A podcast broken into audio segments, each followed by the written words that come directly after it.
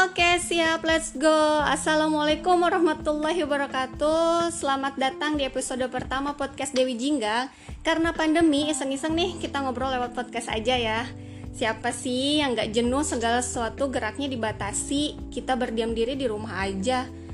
Kerja di rumah, belajar di rumah. Kalau keluar ngerasa ngeri aja gitu ya Seperti ada monster yang tak terlihat. Ngomongin di rumah nih Apa aja sih yang kalian lakukan ya gitu-gitu aja paling lah. Karena memang pandemi ini kontroversi banget. Ada yang nggak percaya lah ada yang memang ya kebanyakan sih banyak katanya sih banyak pasien yang nggak memang nggak percaya kalau dia sakit gitu. Katanya sih. Tapi ngomong-ngomong nih aku nggak bakalan malam ini ngobrol sendiri ngoceh sendiri. Karena malam ini aku bakalan ditemenin sama temanku yang memang kemarin-kemarin mungkin hari ini mungkin uh, dia masih memang uh, menjadi relawan pandemi ya tapi selengkapnya nanti kita tanya-tanya aja langsung lah sama teman-temanku eh teman-temanku deh sama temanku yang satu ini nah kali ini ya di di tengah pandemi ini kan banyak ketakutan banget ya. Nah, dari sisi medis nih, orang-orang medis yang di dalam rumah sakit tuh gimana sih keadaannya di sana? Oke. Selamat malam Mary, apa kabar? Malam, alhamdulillah baik. Sehat kak, kamu? Iya, alhamdulillah sehat sampai saat ini. Alhamdulillah. Eh, gimana nih? Berapa berapa bulan sudah kamu menjadi relawan? Uh, dari tanggal 20 April ya satu bulan lebih mm -hmm. uh, jadi relawan di di Banjarmasin. Mm -hmm. Iya. Uh, Terus kalau di Banjarmasin kan yang rumah sakit khusus COVID salah satunya yang di tempat ini rumah sakit Sultan Suryansa. Uh -uh. Salah satu rumah sakit oh, naungan dinas kesehatan kota sih ya jadi sudah satu bulan setengah lah aku di sana banyak lah pasiennya sekarang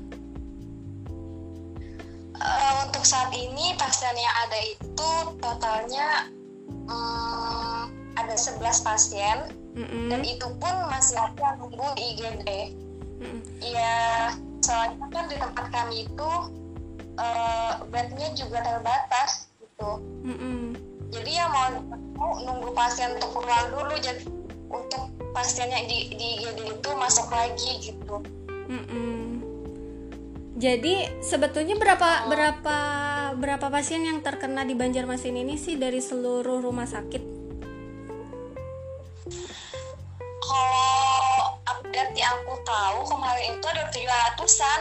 Tiga ratus lah. Itu sudah ratus. Tujuh ratus? Wow banyak ya? Iya Oh, pada eh ya, yang terakhir aku tahu tuh ya, yang terakhir aku tahu kemarin itu cuman berapa ya? 28 orang. Sekarang udah 700. Buset. Ini tuh udah lama banget kali. Iya, tapi iya makanya ya. makanya kan buset 700 tapi nggak lama lah dalam waktu berapa minggu bisa naik pasiennya sampai 700 ya, kan.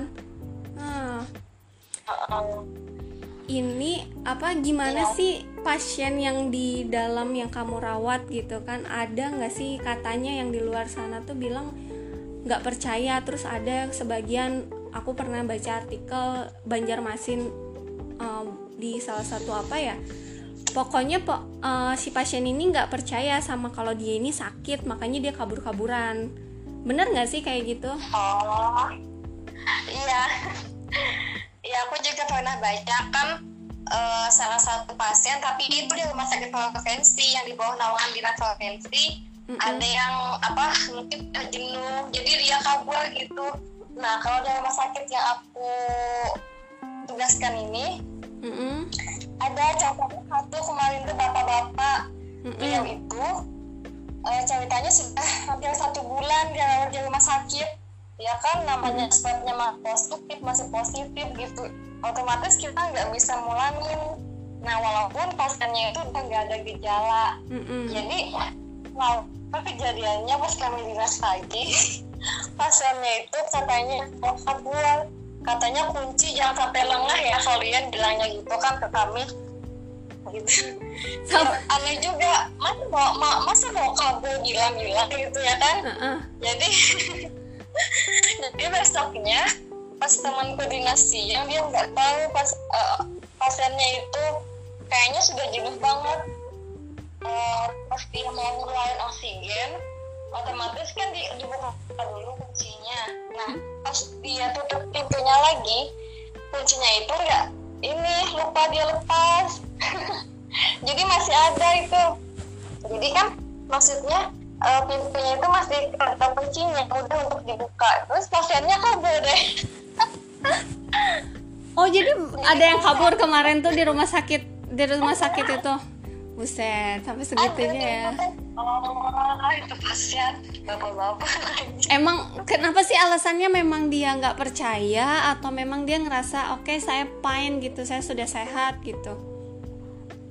Iya katanya hasil swabnya lama banget padahal aku udah nggak ada gejala tapi ya kan gitu Nah, i- Terus nah, kita- nah benar. ap- aku mau nanya nih, kenapa sih sampai tesnya ini keluar lama banget? Karena memang eh, ya dengar-dengar sih kan orang nggak percaya itu karena memang tesnya lama banget. Ah, iya.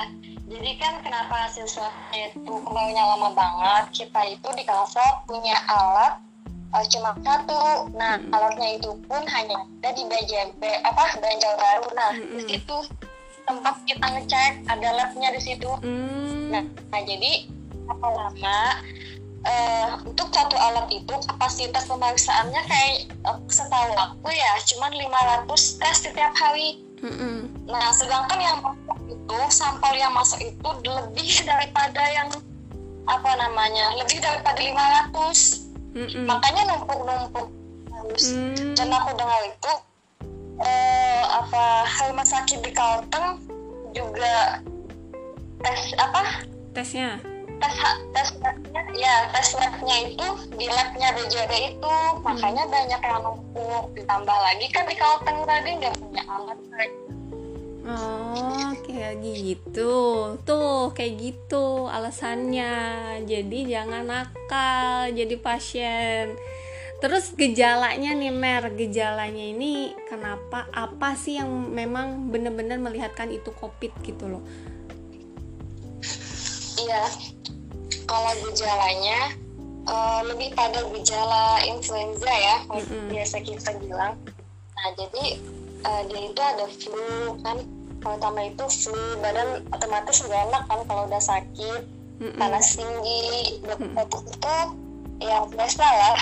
Mm-mm. Kadang kan kalau sistem imun sudah down, hmm, semua organ tubuh juga ikut down kalau kita nggak ini nggak kuatin nggak Hmm. dikuatin maksudnya jadi eh, gejala awal gejala spesifiknya itu flu kemudian demam tinggi batuk juga kan Mm-mm. nah terus yang biasa dialami oleh pasien-pasien covid Hmm, gitu ya. Semak banyak banget ya sekarang di Banjarmasin ya. Dikira nggak akan sebanyak ini karena kan ya cuacanya panas, nggak bakalan nggak bakalan terkena Ya. corona tuh kan katanya kan. Nggak mati ya. Heeh, katanya tuh mati di tengah teriknya matahari tapi ya se- sering berjalannya waktu tambah banyak gitu. Ngeri juga ya ternyata ya.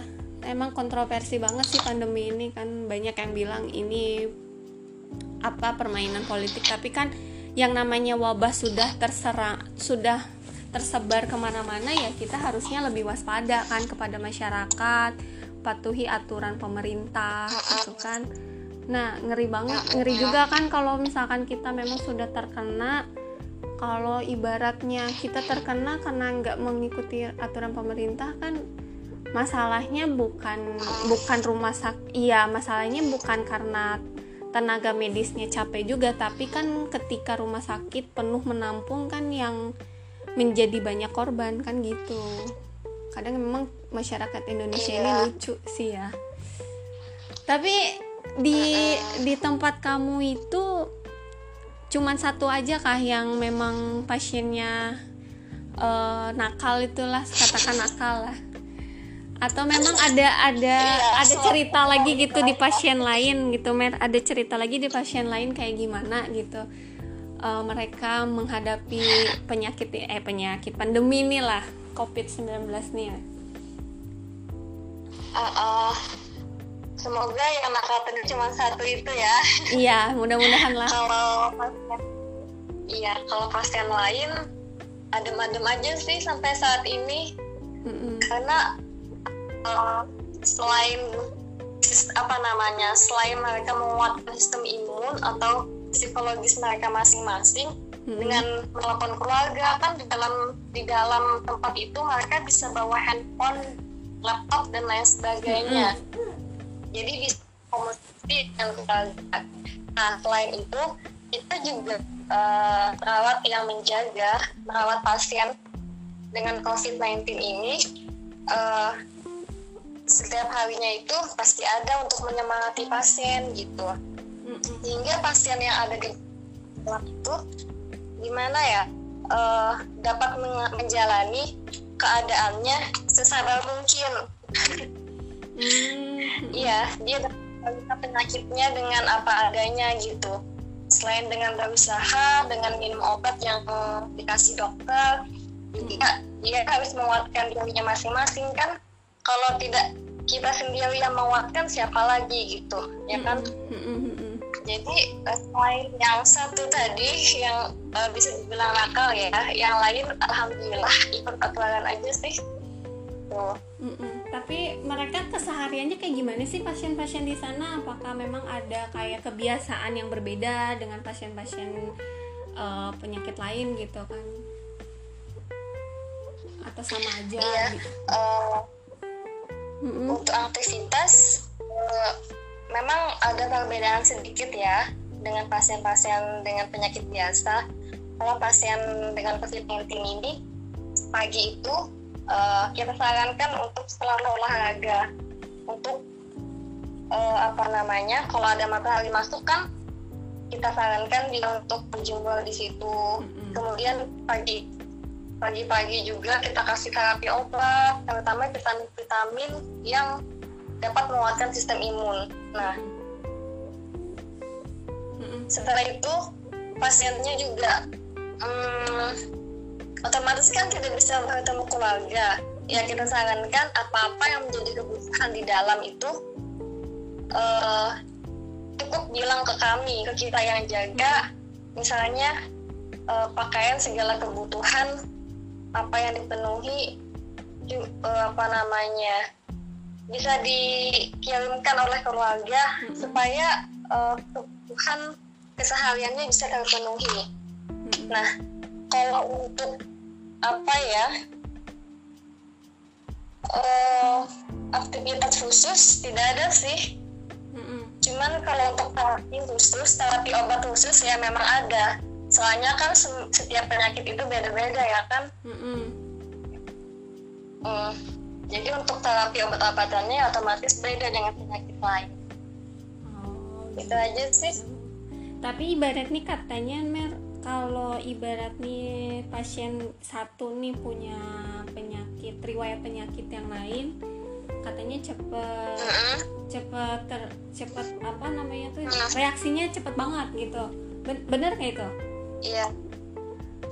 Iya, kalau pasien dengan riwayat penyakit sebelumnya, misalkan sebut saja jantung ya, Mm-mm. dia mudah sekali terkena penyakit selanjutnya gitu. Mm-mm. Soalnya dalam tubuhnya sistem imunnya sudah sudah apa namanya ya sudah eh, sudah bisa dipastikan mudah down. Soalnya kan dia sudah ada penyakit sebelumnya, penyakit penyerta yang biasa kita bilang Mm-mm. Nah, eh, pasien yang meninggal yang biasa kita temui di rumah sakit ini biasanya adalah pasien dengan penyakit penyerta. Contoh, ya tadi penyakit jantung. Sebelumnya kan dia sudah ada penyakit jantung, kemudian kencing manis dan lain sebagainya. Itu mudah sekali membuat tubuhnya down gitu. Hmm. Nah, itu ya. Hmm, gitu iya sih bener-bener lah memang kalau misalkan yang sudah punya riwayat penyakit sebelumnya lebih parah berarti lah covid ini ya. Tapi kalau misalkan Mm-mm, ya, uh-uh, kalau misalkan yang memang sehat-sehat aja dia pasti bakalan kuat dan sembuh gitu lah. Oh, itu lebih cepat sembuhnya hmm, biasanya. Yang kita temui lapangan itu lebih cepat sembuh dengan pasien yang memang sebelumnya sehat gitu. Mm-mm. berapa lama tuh tapi sembuhnya berapa Berapa lama? lama? biasa berapa? Sembuhnya tergantung tergantung sistem imunnya. Hmm, ada yang aku dengar uh, uh, temanku Wisma Atlet itu uh, pasiennya sudah lima kali tes swab. Mm-mm, tes PCR atau PCR ya atau swab ya disebut swab ya. Mm-mm. itu sudah kali tes dan hasilnya positif. Padahal itu sudah tidak ada gejala. Jadi maksudku di sini uh, tergantung sistem sistem imun kita bagaimana kita bagaimana keseharian kita makanan kita kemudian psikologi kita gitu dan obat-obatan yang disarankan untuk diminum Mm-mm. itu yang memudahkan uh, penyembuhan dengan pasien covid ini Hmm, gitu. Tapi kalau dengan perawatnya tim medisnya, kalau di tempat kamu gimana? Bias eh, mereka eh, apa namanya tidak terlalu capek kah? Memang memang capek banget atau gimana? kalau kalau awal-awal sih ya lumayan ya soalnya tenaga medis kami pas awal bertugas di tempat itu cuma dua dalam satu kali tugas gitu Mm-mm. cuma dua orang dalam satu kali satu satu shift tugas Mm-mm. nah sedang kami kan rela, namanya juga relawan ya. Mm-mm. sebelum eh, sebelumnya eh, dari cerita teman-teman juga ada yang sebagiannya sudah kerja ada yang tiga tahun yang lalu sudah nggak kerja lagi. Nah maksudnya eh, dari pengalaman saja mungkin ya bisa dibilang kami belum mumpuni untuk di rumah sakit. Sehingga untuk kami yang relawan ini apabila ibaratnya tuh kalau berdua saja itu nggak cukup untuk merawat pasien Mm-mm. yang ada di rumah sakit Jadi satu Nah, pasien satu satu pasien itu berapa orang perawatnya? itu dalam satu ruangan itu ada tiga Oh. pasien satu bulan yang lalu Oh ya iya. satu bulan yang lalu ya. Dan ini kan udah nambah tuh Mm-mm. nah karena udah nambah pasien jadi tenaga medisnya alhamdulillah udah ada respon juga dari dinas jadi udah ditambah juga gitu Hmm. Berarti berarti banyak lagi lah sekarang ya perawatnya ya. alhamdulillah sudah baik sudah bertambah sudah ada respon dari dari dinas Mm-mm. Gimana sih rasanya pakai APD yang sesak, gerah, panas? kalau aku sih awal-awalnya memang sesak napas. Sesak nafas? Well, memang sesak napas. Terus aku bilang gini ya tapi ya mau gak mau kan kita udah niatnya jadi relawan rela gitu. Iya, Jadi kelasnya pakai APD apa aja. Itu itu kan uh, juga untuk kita ya kan? Jadi ya jalanin aja pakai APD yang lengkap supaya kita juga dilindungi teman-teman juga dilindungi semuanya uh, uh. ya awal-awal sih pengap dah terus sesak nafas tapi alhamdulillah sampai ke sini makin ke sini udah terbiasa sih Berapa jam tuh pakai APD tuh biasa? Eh, biasa kita pakai APD kalau masuk ke tempat pasien Mm-mm. nah paling lama itu 3 sampai 4 jam sih Hmm. soalnya kan kita kalau ke tempat pasien eh, seperlunya aja misal kita ngasih obat atau ngasih makanan ngasih semangat ke pasien seperti itu jadi tidak terlalu lama-lama di tempat pasien Hmm. Tuh kan kasihan loh sama perawat yang memang sudah relawan lah ya di sana tim medis. Kalau kita sebagai warga uh, Banjarmasin atau Kalimantan Selatan yang memang masih tidak percaya akan pandemi ini sebet se- mendingan kita lockdown aja deh gitu di rumah aja gitu. Nggak usah ada kerumunan sebenarnya kan. Karena ngeri juga sebetulnya kalau sudah terkena itu. Kasihan juga kan kalau misalkan memang ya bukan kasihannya bukan cuma perawat tapi kan pasiennya yang memang kita nggak tahu kan corona itu datang sama orang yang memang ternyata sama riwayat penyakit yang lainnya kan. Nah itu yang bakal menjadi parah. Indonesia warga 621 eh warga plus 62 iya tuh kan kalau kita dengar-dengar dari memang kisahnya dari langsung dari orang yang terjun langsung kan kita tahu bagaimana keadaan di sana ternyata ya meskipun memang sedikit gitu kan di rumah sakit uh, siapa apa rumah sakit apa mer? Uh, uh, tapi kan tetap aja itu suat apa namanya tuh ini rumah sakitnya uh, kecil kan eh apa namanya tuh rumah sakit daerah nggak apa rumah sakit rumah sakit di bawah naungan dinas kesehatan kota ini. Oh kota nggak tapi rumah sakit uh, uh, uh, kalau kalau kita lihat Ansari Saleh uh -uh. pokoknya kecilnya nggak kecil banget besarnya nggak sebesar Ansari Saleh. Oh sedang aja sedang aja tapi mungkin mungkin memang uh, yang pusat pusatnya ini di mana nih? Pusatnya Banjarmasin nih? Uh, pusatnya mm -mm rumah sakit mana? Pusat. Rumah sakit ulin. Oh rumah sakit ulin. Di, yang banyak pasiennya di ah, situ? itu, itu banyak yang banyak iya, pasien? itu banyak banget. Mm -mm. uh kasihan juga ya kalau yang di rumah sakit ulin berarti lah. Benar-benar uh, uh, terus itu kan uh, saat ini nih uh, karena di IGD banyak yang nunggu jadi kita ada rencana untuk menambah 100 bed Wow. Jadi nanti rumah sakit yang kita tugas yang di, aku di, aku aku ditugaskan ini mm-hmm. bakal menjadi rumah sakit rujukan COVID. Uh. Gitu rencananya. Jadi untuk penyakit lain selain COVID kemungkinan uh, bisa dibilang tidak bisa dulu untuk dilayani gitu. Oh, Jadi ya, rencananya gitu, cuma belum tahu selanjutnya bagaimana ngeri juga ya berarti tambah banyak banget. Kapan nih berakhirnya ya pandemi ini? Ngeri. Karena karena memang mm, ngerasa jadi kayak yang aneh aja kan kita di apa kita ke dalam keseharian. Iya. Pesannya nih. Apalagi kan mau diberlakukan new normal nah itu gimana tuh? Menurut para medis tuh gimana dari dari new normal nih uh, jadi kan saat ini kita uh, dihadapkan dengan kebijakan new normal lagi setelah PSBB gitu mm -hmm. nah kalau aku pribadi sangat tidak setuju untuk saat ini diterapkannya new normal mm -hmm. kenapa mm -hmm.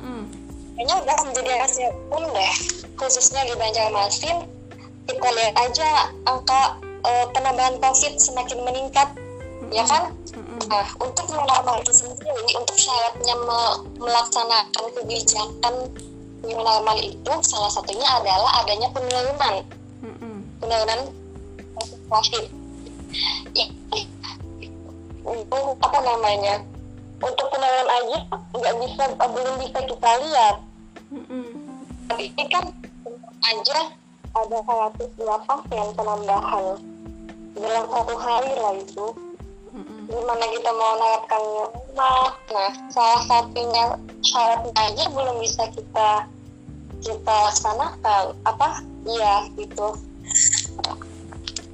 Hmm, jadi memang nggak setuju ya kalau ini normal. Tapi kasihan juga sih sama pedagang-pedagang kecil sebenarnya. Tapi ya mau gimana lagi kan? Lagi pandemi kayak gini. Gimana nih pesan apa? Gimana? Enggak. Jadi kan untuk pedagang semestinya kan dari awal sudah di iya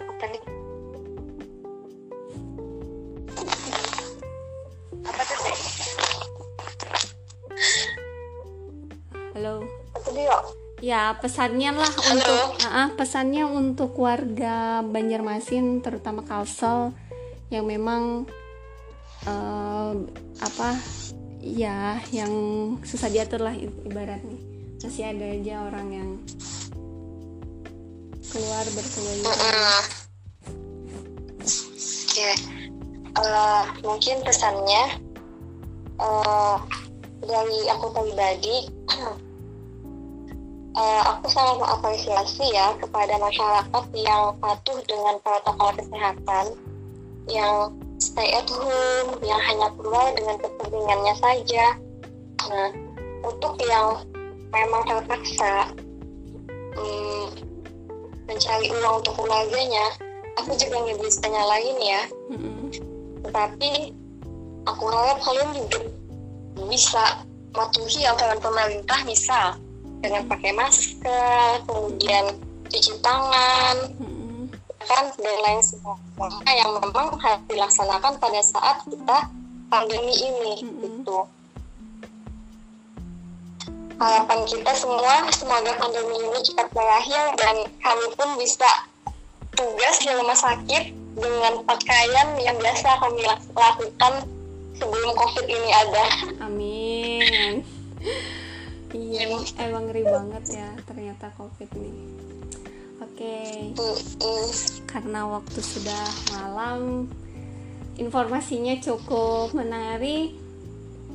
Mau puas juga kita akhiri aja dan tadi pesannya dari nurse Mary itu memang bagus juga sih kalau memang yang eh, terpaksa harus mencari uang tetap jaga kebersihannya menggunakan masker dan ya sering-sering cuci tangan lah.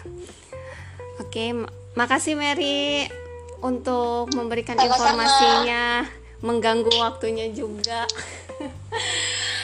Dan Uh, uh, Oke, pendengar setia podcast di episode pertama Dewi Jingga ini dan kurang lebihnya mohon maaf karena memang ini adalah episode pertama. Mungkin di episode yang akan datang kita ngobrolin yang lain-lain. Eh, untuk untuk requestan kita ngobrol, ngobrolin apa kirim pesan aja ya. Dan diakhiri assalamualaikum warahmatullahi wabarakatuh